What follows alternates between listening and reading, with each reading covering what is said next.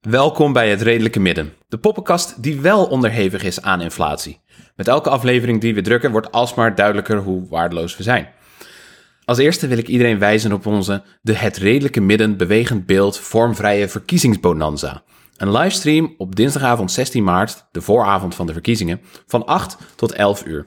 In die livestream praten we met allerlei gasten over een, eh, nou ja, een betere toekomst en hoe we die zouden kunnen bereiken, bijvoorbeeld in de verkiezingen. Dus kijk mee op Twitch. En voor meer informatie kun je terecht op onze website hetredelijkemidden.nl en onze Twitterpagina @redelijkemidden of tegenwoordig ook op Insta, namelijk Annelot, Oef, eh, redelijke midden? Gok ik. Redelijke Midden. Tot dan. Vandaag zijn we hier met Annelot Hoi. en Marijn Bolhuis. Hallo, wat leuk om hier te zijn. Hoi, leuk dat je bent. Eh, Marijn is promovendus in de macro-economie aan de Universiteit van Toronto. Dus we gaan het over het meest nevelige der onderwerpen hebben: de economie. Maar voordat het zover is, hebben jullie nog iets leuks gekeken, gelezen, gespeeld of gehoord afgelopen tijd? Ja, ik wel. Ehm, maar mijn mediaan is eigenlijk best wel oud. Ik ga twee stukken aanraden van John Ronson. En die raken eigenlijk een beetje aan de psychologische en sociologische aspecten van waar we deze aflevering over gaan hebben. Dus het eerste stuk komt uit 2005. Het heet Who Killed Richard Cullen? En daarin bezoekt John Ronson de wereld van creditcards en schulden. Ehm, en ik las dat en ik dacht, nou, scheld iedereen schulden onmiddellijk kwijt. Ehm, ja, het is eigenlijk een heel verdrietig stuk om te lezen. En het tweede artikel, ook van John Ronson, heet Amber Waves of Green. Dat komt uit 2012. En daarin zoekt hij zes mensen op die allemaal een heel andere financiële positie hebben.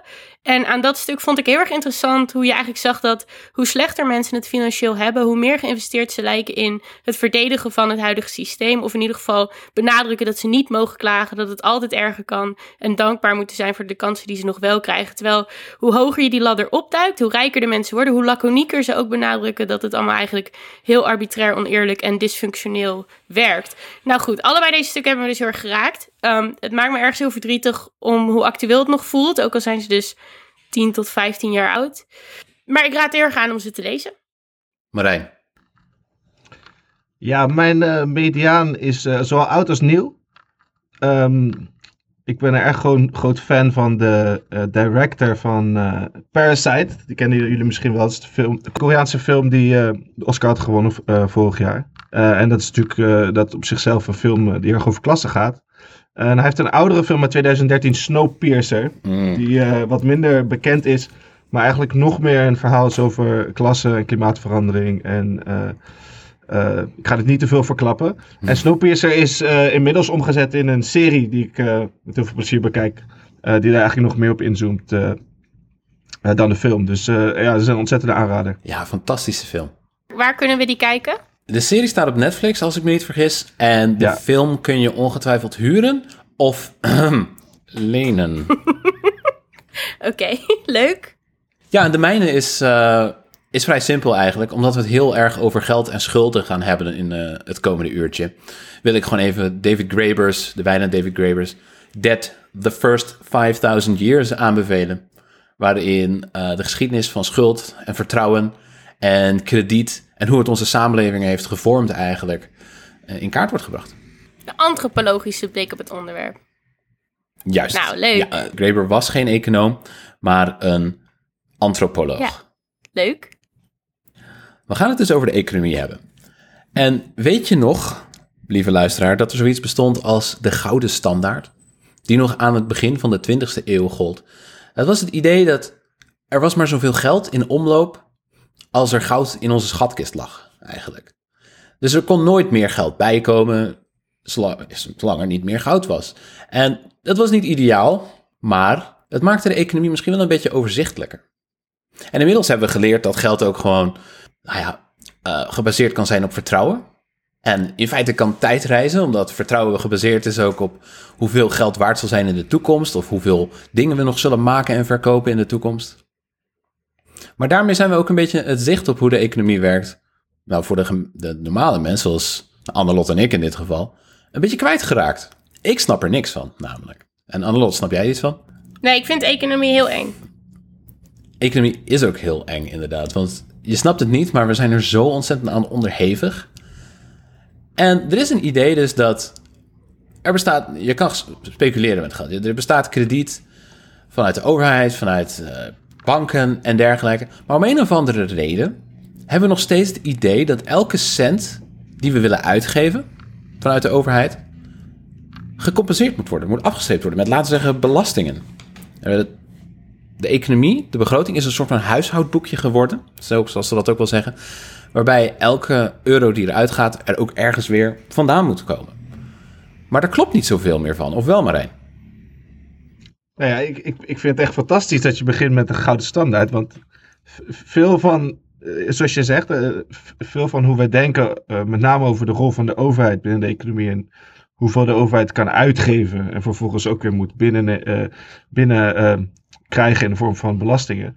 Dat is gebaseerd op, op, op het denken van de gouden standaard, waarin dat inderdaad klopte. Je kan, destijds kon je niet, eh, werd er, natuurlijk wel, er was natuurlijk wel papieren geld, maar dat, er kon niet extra papieren geld, eh, zoveel extra kon worden bijgedrukt, omdat die hoeveelheid goud nou eenmaal gelimiteerd was. Maar in die wereld leven we toch al zeker 50 jaar niet meer. Nee. Want tot de jaren 70 had je wel een soort impliciete gouden standaard in de wereld. Ehm, maar dat denken, dat is nog steeds, eh, ja, dat is nog steeds overal aanwezig. En eigenlijk is dat het denken dat de overheid net is als een huishouden of als een bedrijf. Eh, dus als de overheid geld wilt uitgeven, dan moet daar eigenlijk eerst belastingen tegenover staan. Dus dat betekent als, jij, als de overheid meer wilt uitgeven aan eh, onderwijs, dan moet er bezuinigd worden op, laten we zeggen, de sociale zekerheid of, of, of, of iets. Of de overheid moet geld lenen, maar dan krijg je vaak het verwijt, en dat zien we nu ook weer terug in de verkiezingscampagnes, dat er dan wordt doorgeschoven naar de toekomstige generaties. Ja. Eh, en, en, en dat klopte eh, wellicht ten tijde van de Gouden Standaard wel, maar dat klopt nu ook niet meer. Nee, want er is, het is helemaal uit balans, als ik me niet vergis. En je ziet dat er flink gespeculeerd wordt aan de kant van, eh, van banken en dergelijke. Maar eh, hun, eh, de risico's die zij lopen en de verliezen die zij daarbij oplopen, die worden gedekt door de overheid. Of niet? Zoals we in 2008 zagen. Ja, dus dat is eigenlijk een goede intro als het gaat om eh, het, het bezuinigingsdenken van na de, de, vorige twee crises. Want we hadden 2008 was er in 2008, 2009 was er de bankencrisis en een mondiale financiële crisis. En toen hebben we twee, twee drie jaar later een, een, de eurocrisis gehad. Ehm, en eh, de bankencrisis was inderdaad het gevolg van eh, eh, te veel schulden die op, ehm, ophoopten in, in, in, in de private sector, voornamelijk bij banken, maar ook bij huishoudens. Dus veel Nederlandse huishoudens die ontzettend veel geld hadden geleend om een huis te kopen. En private En sector dus- is, is iedereen die niet in de overheid zit. Dat is het geld dat niet Ja. in handen van de staat is. Ja, dus dat zijn banken, dat zijn eh, bedrijven die niet banken zijn, dus niet financiële bedrijven, en dat zijn huishoudens. Juist. Ehm, en eh, nou ja, dat, dat, ging fout, dat weten we allemaal nog. En destijds eh, moest de overheid, of dat was in ieder geval, daar waren we allemaal mee eens, de overheid moest inspringen om de banken te redden. Daar was ook wel veel voor te zeggen destijds en nu nog steeds. Ehm, maar toen had de overheid die uitgaven gedaan en toen werd er gezegd, nou, hè, het huishoudboekje moet op orde, dus we moeten gaan bezuinigen, want die uitgaven die we aan de bank hebben gedaan, die kunnen we niet... eh, ja, daar, daar, daar moeten bezuinigingen tegenover staan. En wat jij eigenlijk in het komende uur gaat verkondigen, en wat wij ook eigenlijk willen horen, is dat die bezuiniging eigenlijk een heel, heel slecht idee was. Ja, dus ehm, dat, dat bezuinigingsspook, dat, dat ontstond na 2008, 2009 in veel landen. Dus het was niet alleen per se in Europa, dat is ook een beetje in, in de VS. Eh, Destijds kwam de Tea Party op, dat weten jullie misschien Ja. nog wel. In, de, in het Verenigd Koninkrijk eh, had je destijds eh, de regering Cameron. Dus er waren conservatives die ook ontzettend veel bezuinigd. En, en voornamelijk natuurlijk op de verzorgingsstaat. Ehm, maar voornamelijk onder Noord-Amerikaanse economen, maar ook wel onder economen in Europa, is destijds met enorme verbazing gekeken naar hoe dat in Europa is aangepakt. En met name in landen als Duitsland en Nederland. Eh, destijds was men daar al tegen en verbaasd over, maar nu we ook kunnen zien wat voor een ten eerste hoeveel persoonlijk leed het heeft aangebracht, maar ook hoeveel economische schade die bezuinigingen hebben eh, aangebracht, eh, is er nu bij, bij de consensus dat dat ja, ontzettend, ontzettend rampzalig beleid was. Wat, we- wat we eigenlijk natuurlijk van tevoren eigenlijk al wisten. Wat ik heel verwarrend hieraan vind, is dat het dus klinkt alsof het politieke discours heel erg uiteen is gaan lopen eh, met de economische kennis hierover. Want nog, ik heb weer gekeken naar het verkiezingsprogramma en Rutte wil meer bezuinigen en weer bezuinigen. En ik merk ook eigenlijk om mij heen, in de mensen om mij heen, dat heel veel mensen het ook heel erg begrijpelijk vinden dat dat gaat gebeuren. Of dat dat moet. Of dat dat heel erg natuurlijk voelt voor mensen. Van ja, we kunnen niks betalen. Het gaat niet. Hoe kan dat? Hoe kan dat zo uit elkaar lopen? Het is een hele interessante vraag. Er waren een aantal dingen aan de hand tijdens eh, in 2008, 2009, 2010.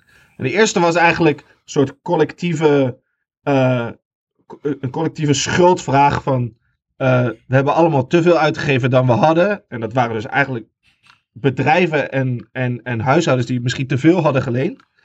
En dat dat dus ook betekende dat de overheid eh, iets moest doen. Dus er was, destijds in het debat was ook het idee van eh, als wij allemaal onze broekriem aantrekken, dan moet de overheid ook de broekriem aantrekken. Een heel moreel argument eigenlijk.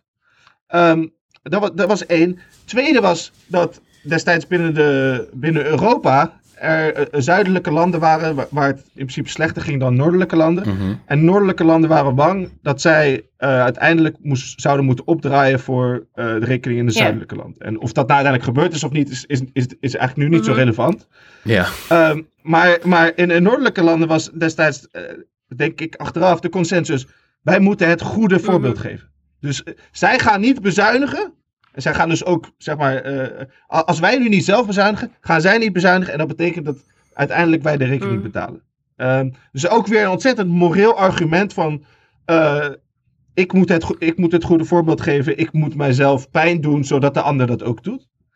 Ehm, maar eh, ja, dat gaat eigenlijk destijds ook al in tegen eh, consensus Ja. onder veel economen. Dat als het slecht gaat, moet de overheid meer geld uitgeven. En als het goed gaat, moet de overheid wellicht op de rem trappen.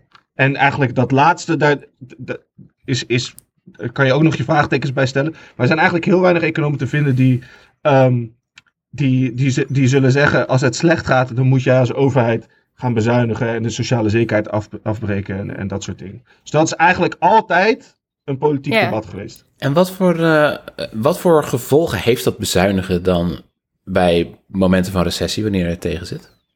Wat, wat, Ehm, wat zien we daar nu nog van? Nou, als je kijkt naar de Nederlandse situatie.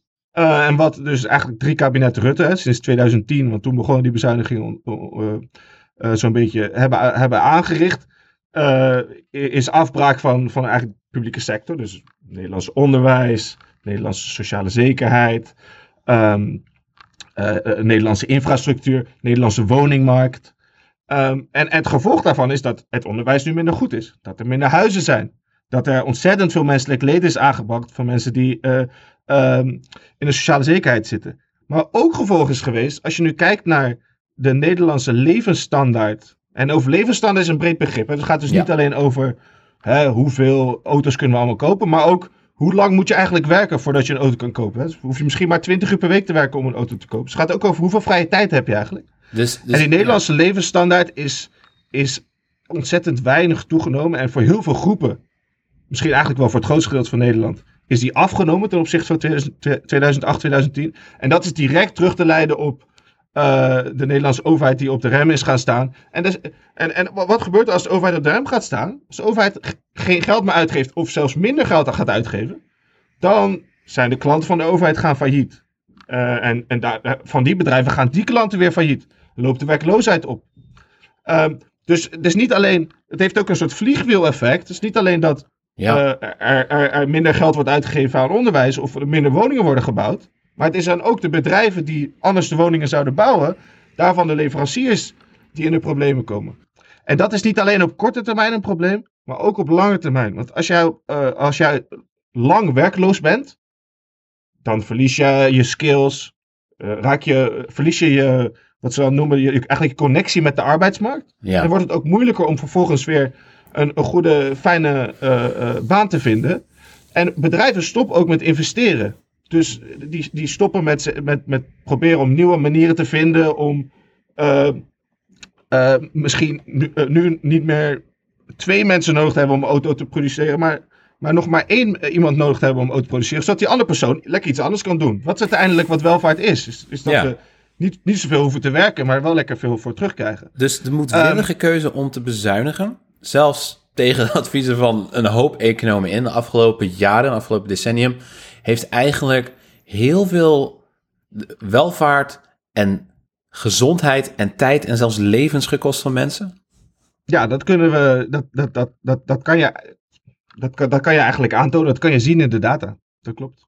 En dat, en dat zijn, vaak gaat het, eh, ik snap veel mensen hebben problemen met het idee van economie moet blijven groeien en we moeten een bruto binnenlands product hebben wat zo groot mogelijk is. Maar welvaart is veel meer dan eh, economische groei. Welvaart is ook of jij met je 65 met pensioen kan. En of jij gewoon eh, onderwijs kan genieten en niet al op je 18e hoeft te werken. En eh, als we uiteindelijk met z'n allen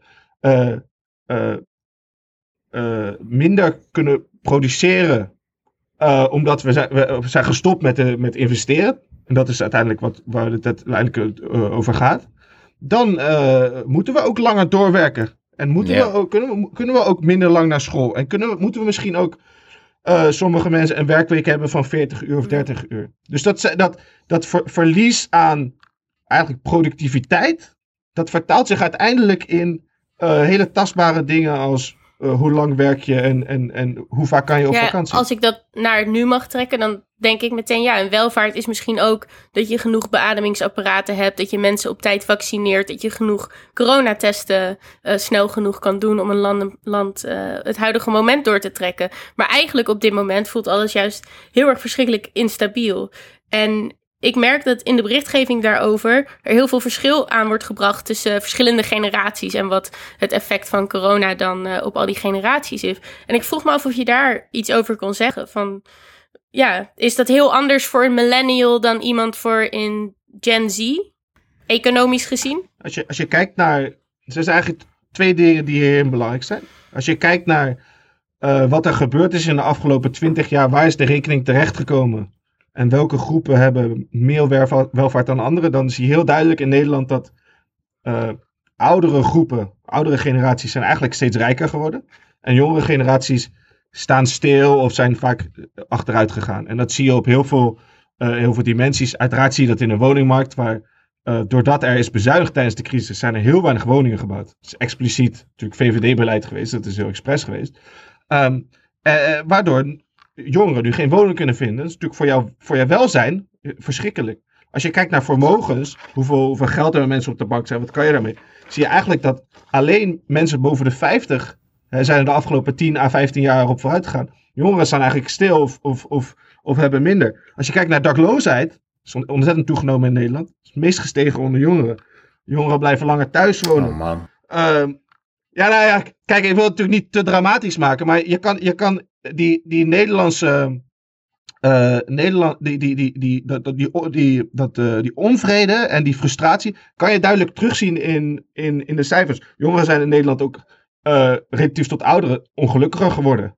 Eh, eh, ze hebben steeds vaker een flexcontract, waardoor het ook moeilijker wordt om een, een huis te kopen, maar ook om een goed salaris te krijgen. Want je hebt een slechtere onderhandelingspositie ten opzichte van je eh, werkgever. En dan heb ik het natuurlijk nog niet over klimaat gehad, maar dan vind ik eigenlijk dat het best wel voor zich spreekt dat dat iets is wat, waar, waar, waar jongeren meer last van Mhm. hebben dan ouderen. Ja. Ja, Pi- Pim en ik eh, zitten allebei heel hard te knikken.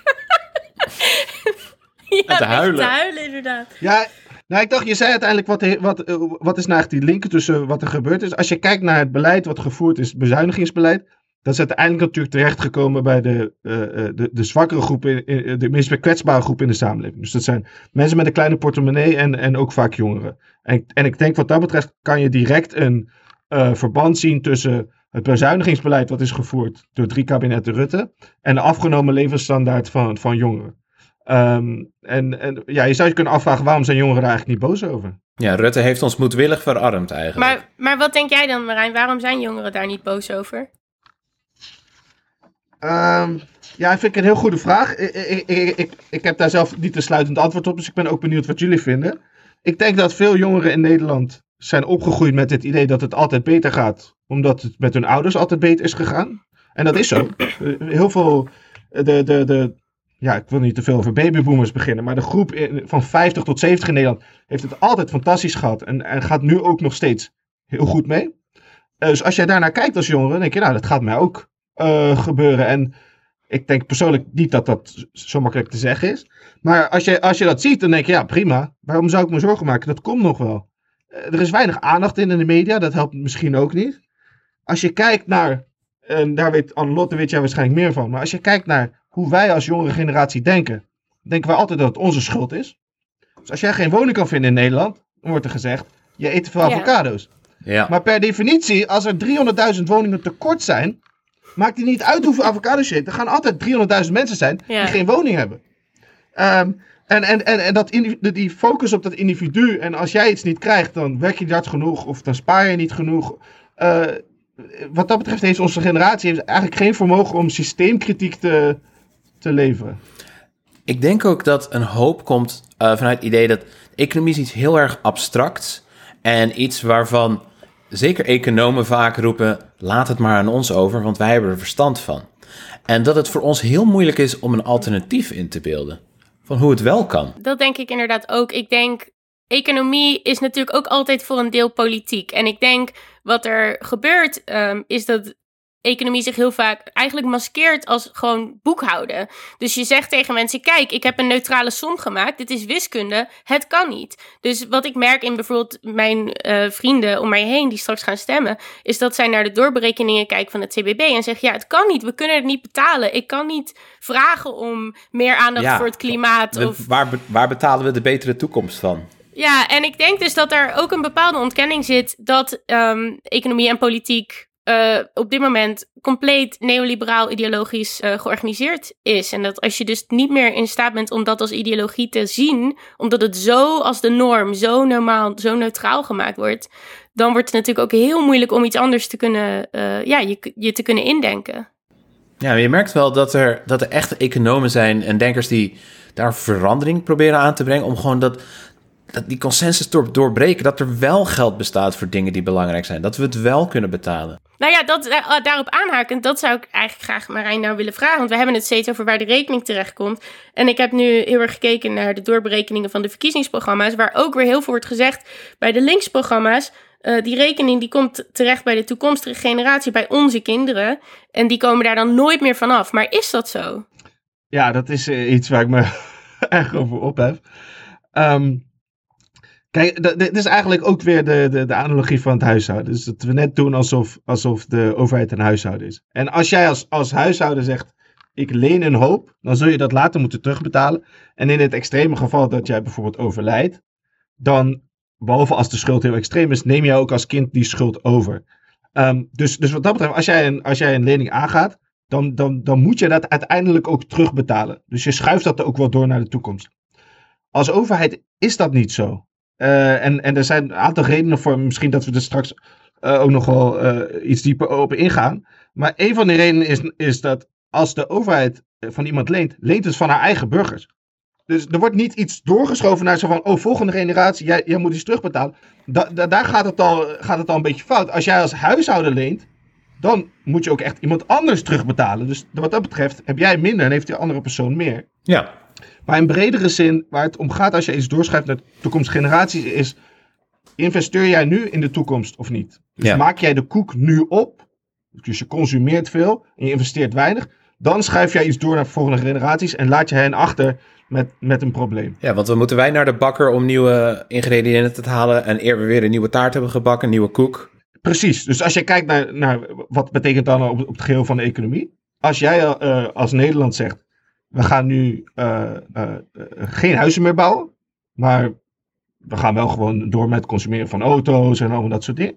Dan zal uiteindelijk de toekomstige generatie die huizen moeten bouwen, want die zullen toch moeten, moeten wonen. Nou, voor die huizen is er mankracht nodig en machines. En die kan die toekomstige generatie weer niet gebruiken om haar eigen auto's te produceren. Ja, En, eh, en, en dat is aan de huizenmarkt, maar dat gaat natuurlijk ook op voor als het gaat om investeren in onderwijs, investeren in onderzoek, investeren in infrastructuur. En het de meest obvious, het meest duidelijke probleem daar natuurlijk is, is het klimaat. ja. Ehm, en wat dat betreft, maakt, je, je kan eh, heel veel lenen en tegelijkertijd niet investeren in de toekomst. Want je kan een hoop lenen nu en, en daar auto's van kopen. Je kan een hoop lenen en zeggen, we gaan er investeren in infrastructuur en onderwijs. En dan schrijf je dus eigenlijk niet de reken- rekening door. Je kan ook niet lenen en bezuinigen.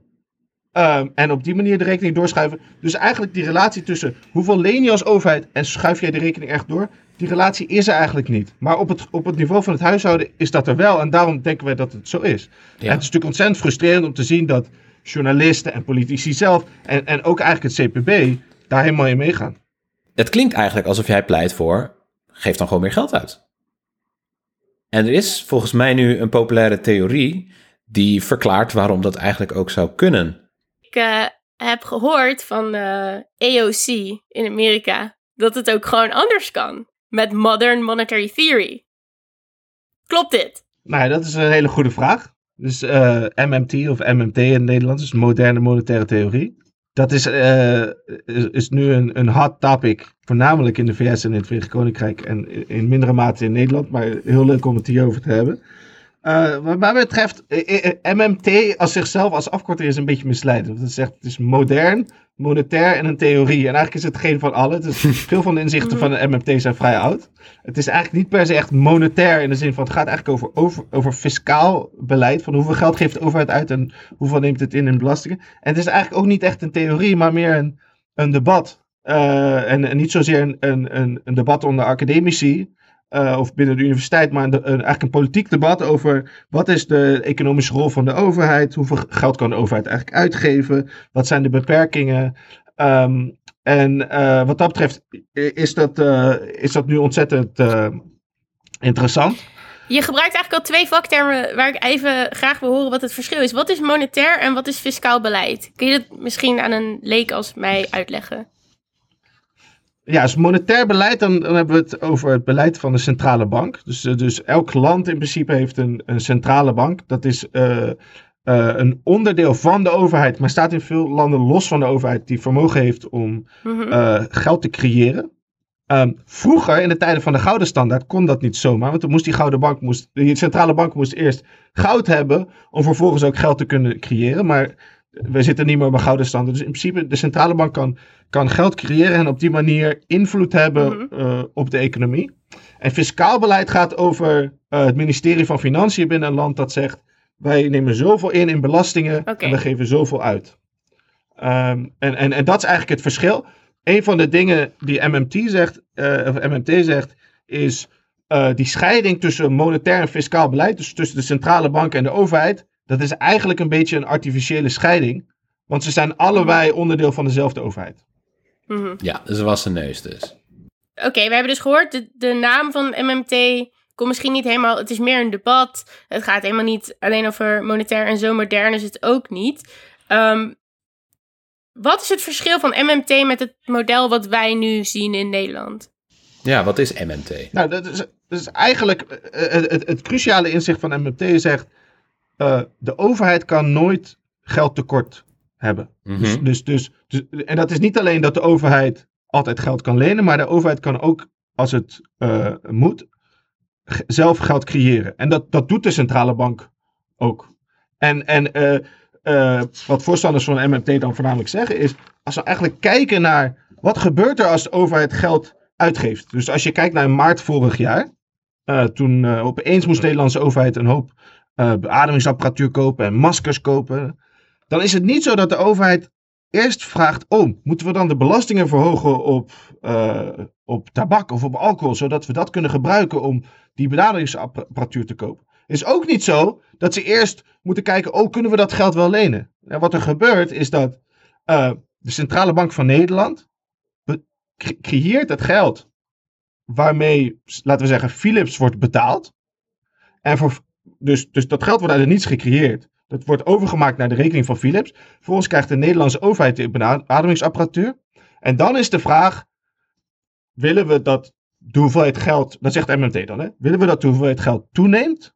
Of willen we die hoeveelheid geld dan toch een beetje afnemen in de vorm van als wij be- belastingen omhoog doen, dan moeten mensen die belasting betalen met geld. Dat maken ze over naar de overheid. Dus neemt de totale hoeveelheid geld die beschikbaar is, eh, neemt af. Of willen we gaan lenen? En lenen is, is ook niets anders dan dat jij iemand een schuldpapiertje geeft, die persoon geeft jou geld terug als overheid. En, en, en met dat schuldpapiertje kan je vervolgens, is, dat is geen geld, daar kan je geen goederen mee kopen. Nee. En, en, dat is de cruciale punt van MMT, is dat de overheid kan nooit een tekort hebben aan geld. Ja, dus je hebt hier echt dat verschil tussen geld in de private sector en geld bij de overheid. Want als er belastingen worden geheven door de overheid, dat betekent dus dat het geld in de private sector weer afneemt.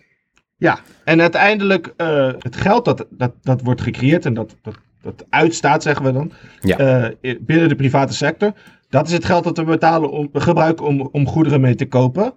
En het is natuurlijk wellicht niet wenselijk dat die geldhoeveelheid enorm toeneemt. Want dan, kunnen we, uh, dan, dan zouden we ons zorgen moeten gaan maken over inflatie. Maar, maar, maar, maar aan zich zeggen, de overheid heeft geen geld meer. Dat, dat, dat, dat, Ja, want het is pas. Uh, je krijgt dus inflatie als er te veel geld gaat naar die private sector, vooral vanuit de overheid.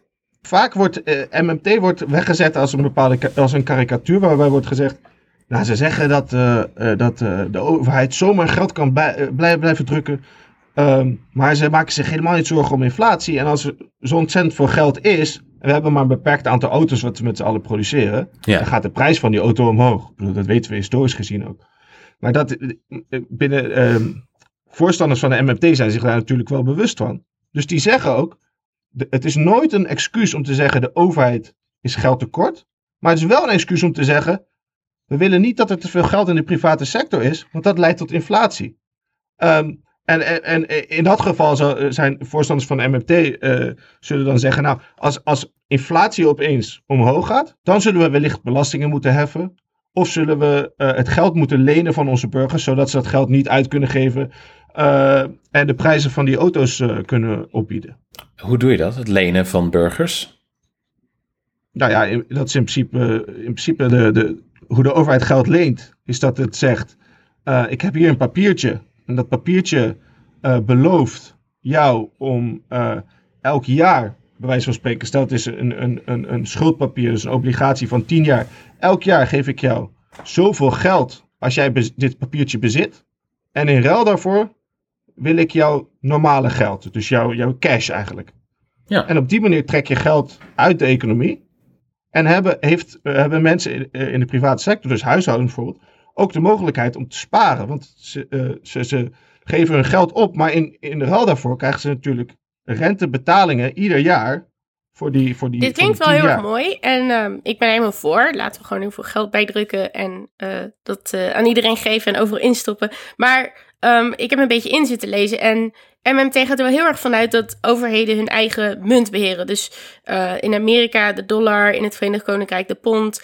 Um, dat zit dan toch weer net anders voor ons, toch? Met de eurozone, want ja, wij hebben onze monetaire soevereiniteit overgedragen aan Europa. We mogen dus niet zomaar geld bijdrukken van Europa, want dat gaat tegen het verdrag van uh, Maastricht in. Kan dat dan nog wel? Hoe, hoe zit dat dan? Of moeten we dan toch terug naar de gulden? Nou, dat, dat klopt inderdaad. Dat is ook een van de redenen, denk ik, dat uh, praten over MMT is een stuk makkelijker in de VS en in het Verenigd Koninkrijk. Omdat die inderdaad niet die, uh, die beperking hebben. Dus als jij uh, uh, een groot voorstander bent van MMT en op deze manier beleid voeren, dus eigenlijk zeggen uh, de centrale bank en het ministerie van Financiën moeten, moeten eigenlijk als één entiteit ervoor zorgen dat de overheid altijd haar rekeningen kan betalen. Dan, dan zal het op Europees niveau geregeld moeten worden. Nu is het zo dat in de praktijk, eigenlijk al nu bijna tien jaar lang, de Europese Centrale Bank, dus dat is de centrale bank van ons allen in Europa, dat die eigenlijk al uh, uh, werkt op, op deze manier dat er meer dan genoeg geld beschikbaar is, zodat overheden nooit zich zorgen hoeven maken dat het geld er niet is. En als je kijkt naar de Nederlandse situatie, dan kan je dat ook terugzien in de rente die Nederland betaalt als het moet lenen. Uh, nu is het zo, en dat, dat klinkt voor veel mensen heel raar, Ja. als een Nederlandse overheid leent, um, dan krijgt het geld toe.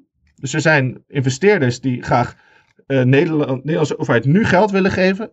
En terwijl ze die, dat schuldpapiertje hebben, betalen ze de Nederlandse overheid ook nog Hmm. eens om dat schuldpapiertje te bezitten. Dus dat, dat geeft ook al aan dat er is geen, op geen enkele manier tekort aan geld in de eurozone. Nee. En dus eigenlijk waar we het over zouden moeten hebben is, waar willen we naartoe met de economie? Waar willen we onze arbeidskracht en onze machines en onze kennis aan besteden? En, en, en welke goederen willen we dan produceren? En welke diensten willen we dan dat beschikbaar zijn eh, voor onze eh, burgers? Dan, dat is een veel nuttiger debat wat mij betreft. Dan dat we het gaan hebben over of er wel of niet geld is. Ik denk dat een deel van de dingen die wij hebben ondertekend in Europa, ehm, bijvoorbeeld het Groei- en Stabiliteitspact 1997, ehm, stellen wel bepaalde eisen, toch? En, en een deel daarvan gaat over bijvoorbeeld hoe groot een eh, begrotingstekort of staatsschuld mag zijn eh, per lidstaat. En als ik heb gekeken naar wat er in MMT wordt gezegd, en dan specifiek naar het boek van ehm, Stephanie Kelton, de Deficit Myth, ja, die gaan we natuurlijk in de show notes gooien. Ehm, dan zegt die eigenlijk, zo'n begrotingstekort is helemaal niet relevant.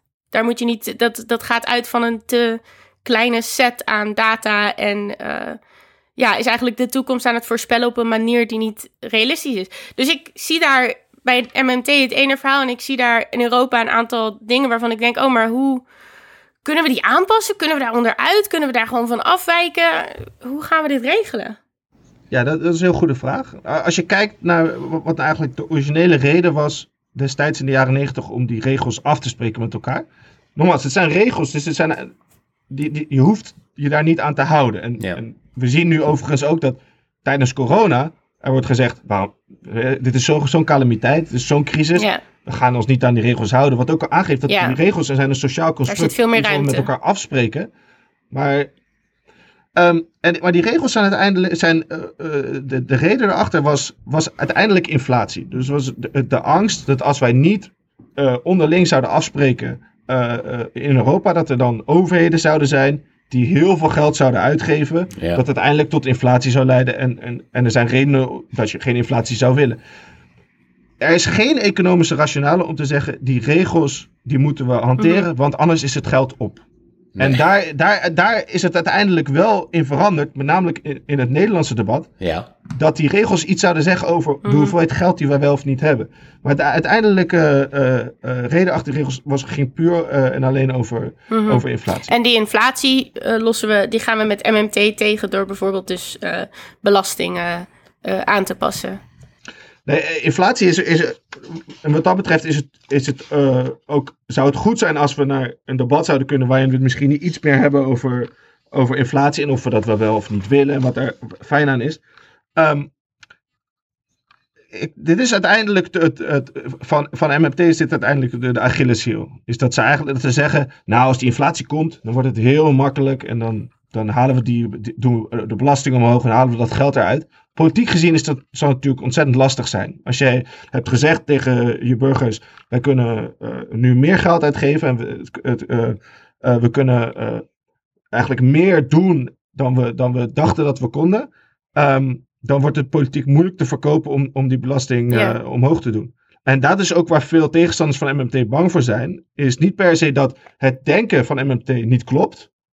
Maar dat het uiteindelijk politiek Omdat de belastingen dan eigenlijk dus ook te snel, te vaak zouden moeten wisselen als je achter iets komt. En dan heb je eigenlijk geen tijd misschien ook om daar een enorme campagne aan te voeren of mensen te overtuigen dat het... Klopt dat of, of begrijp ik dat verkeerd? Ja, dus eigenlijk twee zorgen. De eerste is dat het gewoon niet zal gebeuren, omdat politici dat, Mhm. dat niet zullen willen. En, en eh, omdat het pijnlijk is als je tegen burgers zegt: de belastingen gaan omhoog. Ja. Niemand die, die dat wil. zelfs als we allemaal wel welvarender zouden worden van die overheidsinvesteringen en dat die belastingen op den duur gewoon minder Mhm, wegen. Dat is een goede vraag. Dus stel, ik krijg in het huidige systeem krijg ik drie snoepjes en ik moet er één inleveren. En met MMT krijg ik 30 snoepjes en moet ik er acht inleveren. En dan is de kans vrij groot dat ik alsnog zeg, ja, dat wil ik helemaal niet. Ja, eh, eh, uiteindelijk, kijk, ehm, op, het, op, het, op het geheel van de maatschappij zijn, zijn we nooit geld tekort. Maar als op het geheel van het individu natuurlijk wel. Ja, Eh, en dat is weer dat, die huishouden, dat huishoudboekje. Eh, geen individu vindt het leuk Mhm. om minder geld te hebben. Ook al zijn we als maatschappij, eh, eh, eh, kunnen we nooit geld tekort zijn. En, en dat is de, de Achilleshiel. En ja, zo- zoals, zoals jij zei, het kan ook dat wij eh, gaan debatteren in Nederland. Dus, mocht dit gebeuren, hè? Dus mocht er hoge inflatie zijn, dat wij dan debatteren en dat het twee jaar duurt voordat die eh, maatregelen zijn doorgevoerd. En dan kan die belasting vele, vele Mhm, malen hoger ja. zijn. Dus het is Ja. ook een. eh, hebben we echt controle over die inflatie als dat gebeurt? Dat is ook nog de vraag.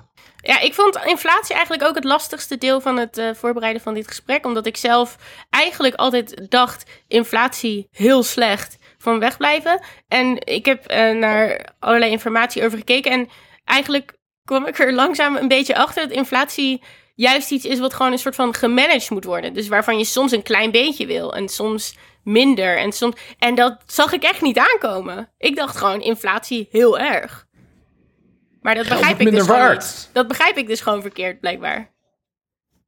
Ja, er is, wel, er is wel consensus onder economen dat een beetje inflatie best goed is. Maar dat is eigenlijk omdat ehm, eh, heel erg lage inflatie of negatieve inflatie, dus als prijzen gaan dalen, of heel erg hoge inflatie, dus als prijzen ontzettend veel stijgen, daar is eigenlijk consensus van dat het allebei heel slecht is. Dus een beetje inflatie in het midden is dan, ehm, is dan eigenlijk wel prima. En dat is ook eh, eh, uiteindelijk hoe de taak die wij centrale banken hebben gegeven, ehm, is om die inflatie te managen en een beetje, hè, eh, in de eurozone is het dan de taak van de, van de Europese Centrale Bank om die inflatie rond 2% te houden. Ehm, ik zeg altijd, de inflatie moet je vergelijken met eh, eh, als je een fiets hebt. En de, de snelheid van de fiets, hoe snel de fiets kan gaan, dat is, dat is de economie en hoe onze welvaart toeneemt. Dan is inflatie is eigenlijk de, olie die we op onze ketting smeren. En als we heel weinig olie op onze verroeste ketting smeren, dus als, als prijzen ontzettend dalen, we hebben, dan, dan loopt de hele economie vast. En dat hebben we in de jaren eh, 30 gezien, dat is eh, een verschrikkelijk drama. Maar als we heel veel geld bijcreëren, waardoor de inflatie heel hoog wordt, op een gegeven moment, als jij te veel olie op je ketting gooit, gaat die niet sneller lopen, maar dan wordt je broek wel viezer. Dus dan krijg je de, de, de, de nadelen van hoge inflatie, maar je hebt niet meer de voordelen. Dus daarom willen we een beetje in, het- midden zitten. Er moet genoeg olie op de ketting zitten, zodat die eh, snel genoeg draait. Eh, eh, niet te veel en niet te weinig. Ja, maar met MMT en dat, die continue inflatie dan in het achterhoofd. Wat stel jij dan voor? Wat zou een goede uitweg zijn? Een goede ontwikkeling voor onze economie? Nou, ik denk vooral dat het belangrijk is dat het debat verschuift naar van is het geld wel of niet eh, op? Of moet je als je meer geld uitgeeft als overheid daar altijd belastingverhoging tegenover staan? Dat we naar een debat gaan waarin we zeggen eh, wat willen we als land? We hebben zoveel mensen in Nederland die, eh, die werken. We hebben, we, hebben, land in Nederland. We hebben machines. We hebben ontzettend veel kennis.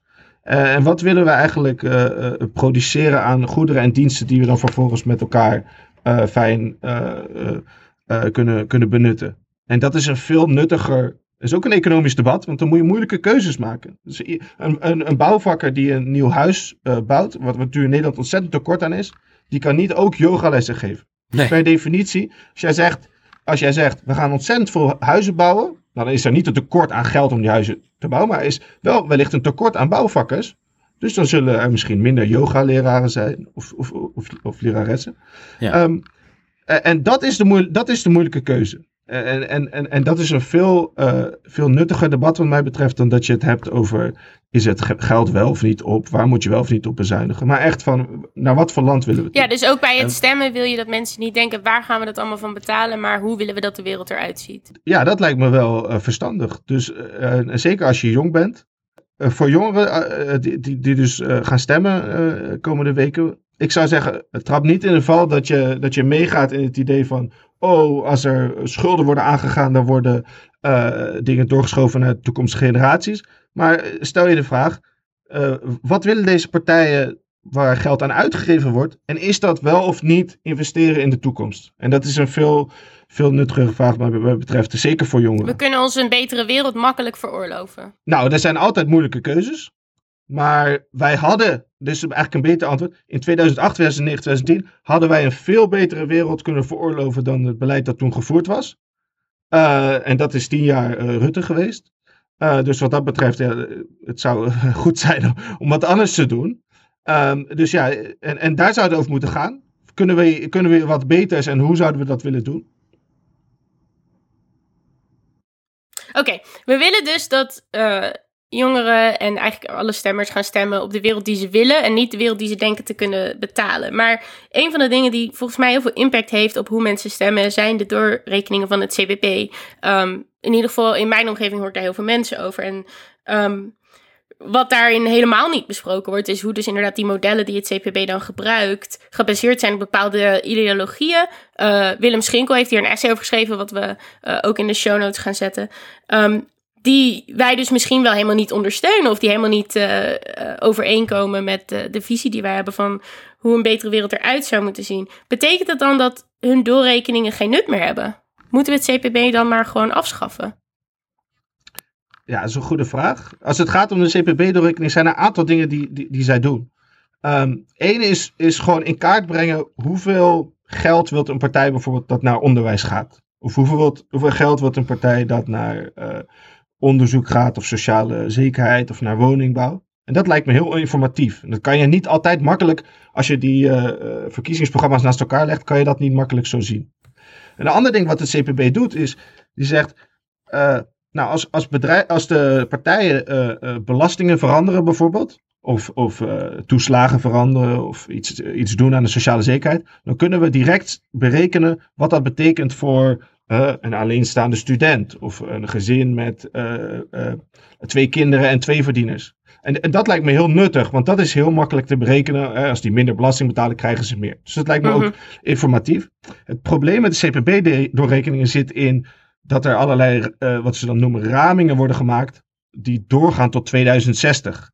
En wat dat betreft, en, ja, die, die, die, die ramingen, die, die nemen bijvoorbeeld niet mee dat als jij in onderwijs investeert, dat je dan ook productiever wordt als maatschappij. Of als je in onderzoek investeert. Nemen ook niet mee dat als jij niet iets doet aan klimaatverandering, dat dan je bodem verzakt en dat je, je huizen dan uh, op instorten bekomen te staan. Dus ja. die lange termijn uh, berekeningen van het CPB, die zijn wat mij betreft eigenlijk volledig nutteloos. Maar als het gaat om, hè, uh, hou ik volgend jaar 200 euro extra over, of ik wil op een partij stemmen die het meeste geld geeft uit aan onderwijs, dan, dan zijn ze ontzettend nuttig. Desalniettemin, deze berekeningen, deze modellen, deze ideeën gaan er nog steeds van uit dat we in een kapitalistische samenleving wonen. En er was ooit een, uh, een Duitse kerel met een grote grijze baard, genaamd Karl Marx, die zei van, hey, weet je wat, volgens mij is dit systeem onhoudbaar. Volgens mij krijg je, als je uh, mensen hebt die hun arbeid moeten verkopen om te kunnen leven, aan mensen die geld verdienen met de arbeid van anderen, altijd een groeiende ongelijkheid, waardoor de hele samenleving uiteindelijk ontwricht en waardoor grote groepen mensen eigenlijk een uitzichtloos leven gaan leiden van armoede. Ja, en dat is eigenlijk waar ik misschien ook MMT soms uh, lastig vind. Eigenlijk bijvoorbeeld de analogie die we eerder hadden, uh, waar we het eerder over hadden, over de fiets en de olie en de inflatie, is dat ik nog steeds denk, het gaat dan dus op een fiets die uh, harder moet blijven gaan en soepel moet blijven lopen. En, en ik zie dan dus inderdaad zo'n zo'n kar en wagen vormen met een wortel voor een paard. Waarbij je niet te veel wortels moet geven, want dan wordt je paard lui. En je moet altijd zorgen dat hij net niet blij is en net niet tevreden is, zodat hij door moet werken en door moet ploeteren. Um, en, en dat maakt me dan eigenlijk heel verdrietig, want ik denk dan, ja, willen we, willen we eigenlijk dat? Waarom moeten we zoveel groei? Als we, hebben we niet gewoon een keer genoeg? En waarom moeten Kunnen en we waarom geld afschaffen? En, denken economen daarover na? Of is economie toch eigenlijk nog steeds een studie naar kapitalisme? Nou, als, het, als het gaat om economische groei, uh, dan, wordt, dan wordt vaak uh, in, in publiek debat wordt het dan gezegd over uh, economische groei gaat over hoeveel we produceren. We moeten altijd maar meer produceren en meer consumeren. Maar als econoom nadenken over economische groei gaat het eigenlijk altijd over welvaart. Dus er gaat over uh, kunnen wat meer produceren, maar hebben we ook meer vrije tijd. Nou, er zijn natuurlijk allerlei e enorme problemen met een systeem wat niet alleen mensen uitbuit, maar bijvoorbeeld ook natuur, uh, ja, je zou ook zo kunnen zeggen uitbuit of in ieder geval kapot maakt. Um, en MMT heeft daar zeker geen antwoord op. Ik heb daar ook geen antwoord op waar we dan precies naartoe zou moeten. Maar wat ik wel nuttig vind is dat als we voorbij een debat kunnen dat altijd maar gaat over is er genoeg geld, dan kunnen we naar een debat toe naar wat voor samenleving willen we. En willen we wel een samenleving waarin minimumloon heel hoog ligt? Of willen we misschien naar een samenleving die een basisinkomen heeft? Yeah. Of Yeah. waarin de overheid een veel grotere rol heeft? En aan dat, dan, dan kan je misschien uitkomen aan een kant waar je zegt: de, de, de rol van de overheid moet zo groot zijn dat we eigenlijk geen kapitalistisch systeem meer hebben. Maar het lijkt me heel nuttig dat we dat, dat, we dat debat in ieder geval eh, kunnen voeren. Ja, want je noemt net het basisinkomen en dat wil MMT heel uitgesproken niet, toch? Die willen de basisbaan. Ja, dat is, je hebt een descriptief gedeelte van eh, voorstanders van MMT. Dus die zeggen de overheid werkt zo.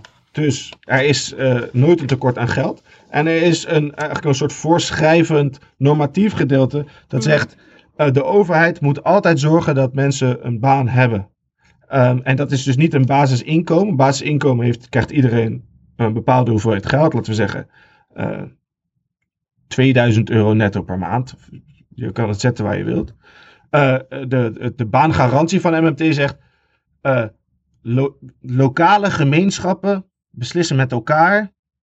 wat nuttig werk is. Dus vrijwilligerswerk of mantelzorg. of het planten van bomen.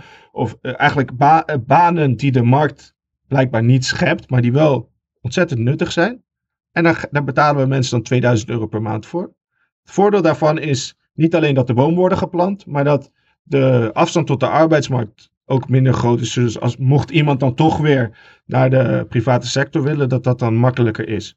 Ik moet zeggen, ik heb persoonlijk. eh, eh, ja, ik heb moeite met. eh, een soort idee dat er eh, een lokaal comité moet zijn. wat voor jou moet beslissen. dat jij wel moet werken voor die 2000 euro. Ik denk van, eh, we hebben natuurlijk eigenlijk gewoon met z'n allen recht op een bepaald bestaansminimum. of je daar nou voor wilt werken of niet. Eh. Maar ja, dat, daar, daar kan je natuurlijk over met elkaar in debat gaan. Ja, want Pim en ik willen eigenlijk gewoon heel graag eerst gratis geld en dan geld gewoon maar helemaal afschaffen. Mag dat van jou? Ja. Eh, nou ja, eh, geld afschaffen. eh, waar zou je het mee vervangen? Want uiteindelijk moeten we. eh, ja, dan misschien dat we dan kunnen ruilen met elkaar. Of dan kunnen we eh, spullen uitdelen. Dan kan de overheid kan spullen gaan uitdelen. Dat, dat is mogelijk. Ehm, maar geld heeft natuurlijk wel een bepaalde functie. Namelijk dat het makkelijk is om, om, om, om van, van spullen te wisselen. Ehm, dus ik weet niet wat jullie daarvan vinden. Ja, het nadeel van kapitaal is natuurlijk, is dat als je het hebt, dan kun je het krijgen. Maar als je het niet hebt, moet je ervoor werken. En een basisinkomen en een basisbaan koppelen nog altijd je welzijn en je welvaart aan het feit dat je werkt. Nou, ik denk er zijn ontzettend veel mensen bezig met basisinkomen. En basisinkomen, eh, het, het, het echte idee van het basisinkomen is natuurlijk dat er geen enkele voorwaarde is. En dat dus als jij eh, wilt werken, dan, dan mag je dat doen. Maar het- uiteindelijk zijn er natuurlijk, eh, je zou kunnen zeggen, geld is gratis, maar je auto is dat niet. Want Mhm. uiteindelijk de auto, die moet wel geproduceerd worden. Ehm, dus ja, daar zal dan toch een oplossing voor moeten worden gevonden. Maar ik, Ja. er, zijn wel, er zijn natuurlijk wel economen bezig met van hoe zouden we een basisinkomen kunnen invoeren? Eh, wat zou dat dan betekenen? Ehm, Ja, want wat ik, wat ik ruik bij een basisinkomen is dat je kan mensen nu wel bijvoorbeeld 1200 euro in de maand gaan geven, gratis. En dat klinkt eventjes zalig. Maar dat verandert niks aan de manier waarop onze sociale voorzieningen zijn ingericht. Of inderdaad hoeveel tijd we kwijt zijn aan werken elke dag om de samenleving draaiende te houden. Oké, nou ik vind economie nog steeds wel moeilijk, maar ik vind het niet meer zo eng nu eigenlijk, Marij. Hmm. ja, ik hoop, ik, ik denk niet dat dat eh, door mij komt, maar... maar ik, Ah, wel een ik- beetje. was- Oké. Nou, mogen jouw werk en je discipline gewoon binnenkort niet meer nodig zijn? Ja, dat, dat, dat, eh, dat hoop ik eigenlijk ook. Maar wat ga je dan doen? Nou ja, als, ik niet meer, als economen niet meer nodig zijn, dan betekent eigenlijk ook dat er dus geen schaarste meer is. Ja. En dan kan iedereen op het strand gaan zitten. En, ehm, overigens is dit een heel oud idee. Als je kijkt naar een van, eigenlijk de bekendste econoom aller tijden. eh, John Maynard Keynes was een Britse econoom eh, begin eh, 20e eeuw. Die had de verwachting, eh, eh, geloof ik in de jaren 20, dat, we, dat wij Ja. 100 jaar later, dus we zijn daar inmiddels bereikt, dat wij naar een werkweek zouden gaan van 10 à 20 uur. Want we zoveel productiever waren, dat, dat er nog maar een paar mensen nodig waren om die auto's Ja. te produceren. Dus de, je zou je ook kunnen afvragen, nou ja, eh, eh, waarom is dat eigenlijk niet gebeurd? Ehm, maar ik zou het niet erg vinden als we naar een maatschappij zouden gaan waarin iedereen maar 10 uur per week werkt. De lonen zijn echt niet meegestegen met de productiviteit. Dat zijn politieke keuzes, toch? Mensen werden rijker van het efficiëntere, hardere werk. En die mensen waren niet wij. Ja, dus als je, als je, kijkt, als je kijkt, heel simpel gezegd, is er, produceren we in Nederland met z'n allen een koek. En die koek wordt verdeeld. En die koek is steeds groter geworden. Maar het gedeelte wat mensen die in loondienst werken, dus de arbeiders, wat die krijgen, is steeds kleiner geworden. En dat is het gevolg van politieke keuzes. Hoe wij die koek verdelen is uiteindelijk het gevolg van politieke keuzes. Hoe wij willen dat die koek wel of niet groeit. En de koek gaat, gaat niet alleen over auto's, gaat ook over of we vrije tijd hebben. Ehm, dat, dat zijn allemaal politieke keuzes.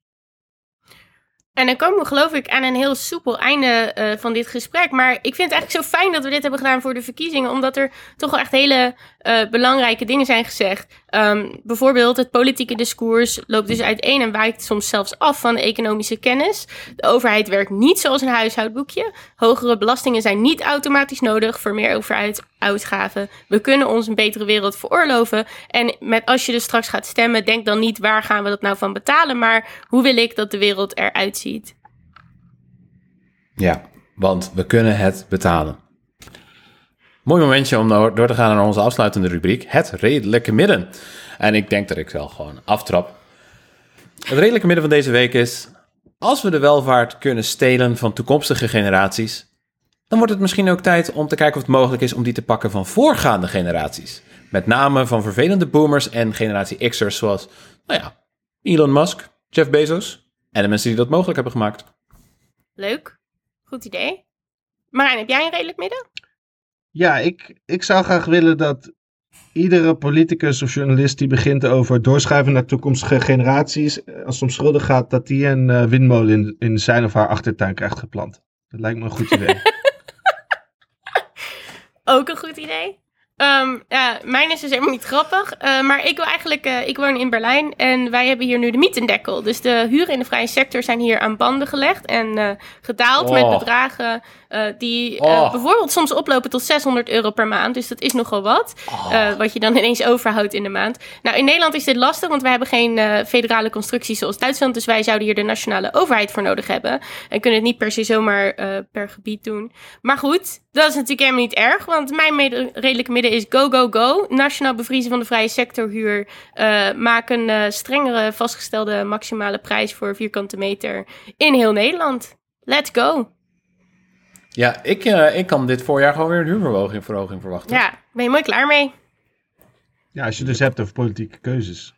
Voordat, ik, eh, voordat we afsluiten wil ik nog één keertje de aandacht vestigen op onze livestream op aanstaande dinsdagavond 16 maart van 8 tot 11. We hebben allerlei leuke gasten. Eh, half bijeen komt langs, Rebecca Timmer, Quincy Gario, maar ook bijvoorbeeld Dan Hester Forrest, D. Dus kijk gerust mee op Twitch en hou onze website en onze Twitter in de gaten en onze Instagram voor meer informatie daarover. Spannend. En verder wil ik vooral Margin Boluis bedanken voor zijn aanwezigheid en voor zijn ontzettend heldere en verhelderende verhaal. Dankjewel, ik vond het echt eh, fantastisch. Dus ik, ik ben een groupie van de podcast, maar ik vond het heel leuk om, eh, om ook te kunnen bijdragen. Kunnen mensen je ook nog ergens volgen of bijhouden? Eh, ja, ik ben te volgen op Twitter onder mijn, eh, mijn eigen naam, maar ik ben wel eh, private. Dus, eh, maar ik, ik, ik, eh, ik, ik, accepteer iedereen hoor. Dus, eh. Annelot kan je volgen op @lennartspion op Twitter. En mij niet meer, want ik ben er vanaf, want het is een helleput. Het Redelijke Midden zelf op het Redelijke Midden en natuurlijk hetredelijkemidden.nl. Vind je onze podcast te cringe of heb je vragen? Stuur ze gerust naar hetredelijkemidden.gmail.com. Verder wil ik iedereen bedanken voor het luisteren en tot volgende keer, hopelijk dinsdag 16 maart.